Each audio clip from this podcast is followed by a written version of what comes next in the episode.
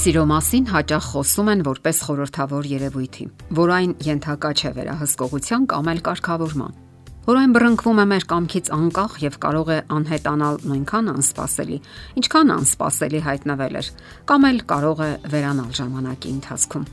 Այս ամենն իհարկե կարող է տեղի ունենալ եւ յուրաքանչյուրի կյանքում, սակայն անհրաժեշտ է իմանալ նաեւ, որ սերը միևնույն ժամանակ գիտություն է, որը հարկավոր է սովորել Սերը միայն զգացմունք չէ, ոչ էլ կախարդական հույզերի հանրագումար, որ բռնկվում է մեր կամքից եւ գիտակցությունից անկախ։ Այն ունի բազմաթիվ այնպիսի հիմքեր ու պատճառներ, որոնցից ի վերջո կազմված է մեր կյանքը։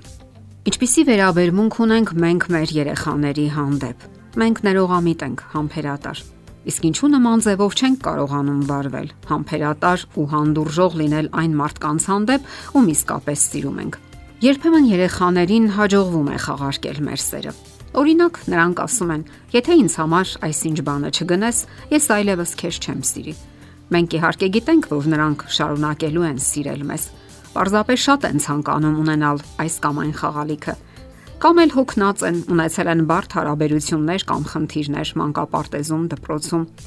Նման իրավիճակներում մեծահասակները հայտնվում են այն ժամանակ, երբ կողմերից մեկը պարփակվում է լռության մեջ կամ էլ խոցող, ագրեսիվ ու հրահրող արտահայտություններ է անում։ Սրանք բոլորը նշանակում են, որ տվյալ անznավորությունը ցանկանում է ստանալ դիմացինի սիրո հավաստիացումը եւ սպասում է ըմբռնող վերաբերմունք։ Սակայն շատերը նույն ձևով են պատասխանում եւ իրավիճակը սկսում է սրվել։ Մեզանից պահանջվում է նույնպիսի վերաբերմունք դրսևորել, ինչպիսին մենք դրսևորում ենք երեխաների հանդեպ՝ սեր, համբերություն, հանդուրժողականություն։ Բրիտանացի փիլիսոփա եւ գրող Ալեն դե Բոտոնը գրում է. Երեխան այնպիսի զգացում ունի, որ ծնողը միշտ իր կողքին է, պատրաստ է մխիթարելու, ուղղորդելու, կերակրելու, լողացնելու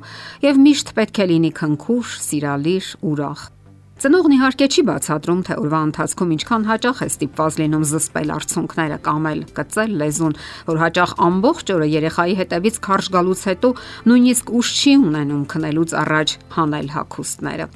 Եվ այդ հարաբերություններում հաճախ չկա փոխադարձատություն։ Ծնողը ապարգևում է սերը, սակայն չի սպասում, որ երեխան ի պատասխան օգնի իրեն նույն չափով ծնողը եւ երեխան կարող են հավասարաչափ սիրել, սակայն նրանք գտնվում են կոորդինատային առանցքի հակառակ ծայրերում, ինչի մասին երեխան նույնիսկ չի ել գուշակում։ Ահա թե ինչու երբ մենք մեծանում ենք եւ առաջին անգամ ասում, որ ծարավի ենք սիրո, առաջին հերթին սպասում ենք, որ կսիրվենք նույնպիսի սիրով, ինչպիսին ստացել ենք մեր ծնողներից։ Սակայն իրականում դա աղետ է։ Մեզ անհրաժեշտ է մանկական դիրքից անցնել ծնողական դիրքի անհրաժեշտ է պատրաստակամություն մեկ այլ մարդու կարիքներին ենթարկելու մեր պահանջներն ու կարիքները։ Այլ կերպ ասած, մտնելով մեծահասակի հասուն հարաբերությունների մեջ, մենք որոնում ենք այն սերը, որը ստացել ենք կամ ցանկացել ենք ստանալ մանուկ ժամանակ։ Սակայն սա ոչ միայն անիրական նպատակ է, նաև կեղծ է որովհետև ճշմարիտ նպատակը մեկ ուրիշին այդպիսի սեր ապարգևելն է, Սա նշանակում է կծել լեզուն եւ զսպել արցունքները հանուն մեզ համար կարևոր ու հարազատ մեկի։ Հասկանալի է, որ ամեն ժամանակ չէ, որ կարողանում ենք այդպես վարվել, սակայն կարող ենք անել գոնե շատ ավելի հաճախ, քան անում են հասուն մարդկանցից շատերը։ Արժե կրկնել մեկ անգամ եւս։ Ճշմարիտ նպատակը սիրո մեջ առատաձեռն լինելն է։ Հասկանալի է նաև, որ մեզանից ոչ ոք ի վիճակի չէ լիովին իրականացնել այդ առաջադրանքը, սակայն իմանալով ճիշտը կարող ենք անել անհամեմատ ավելին, քան անում ենք ներկայում։ Եվ վերջապես մենք պետք է ձգտենք դրան մեր ողջ կյանքի ընթացքում։ Իսկ ինչպես լինել առատաձեռն։ Ամենից առաջ հարկավոր է սիրենք ինքներս մեզ։ Սովորաբար մենք դեպի ուրիշներն ենք ուղղում այն,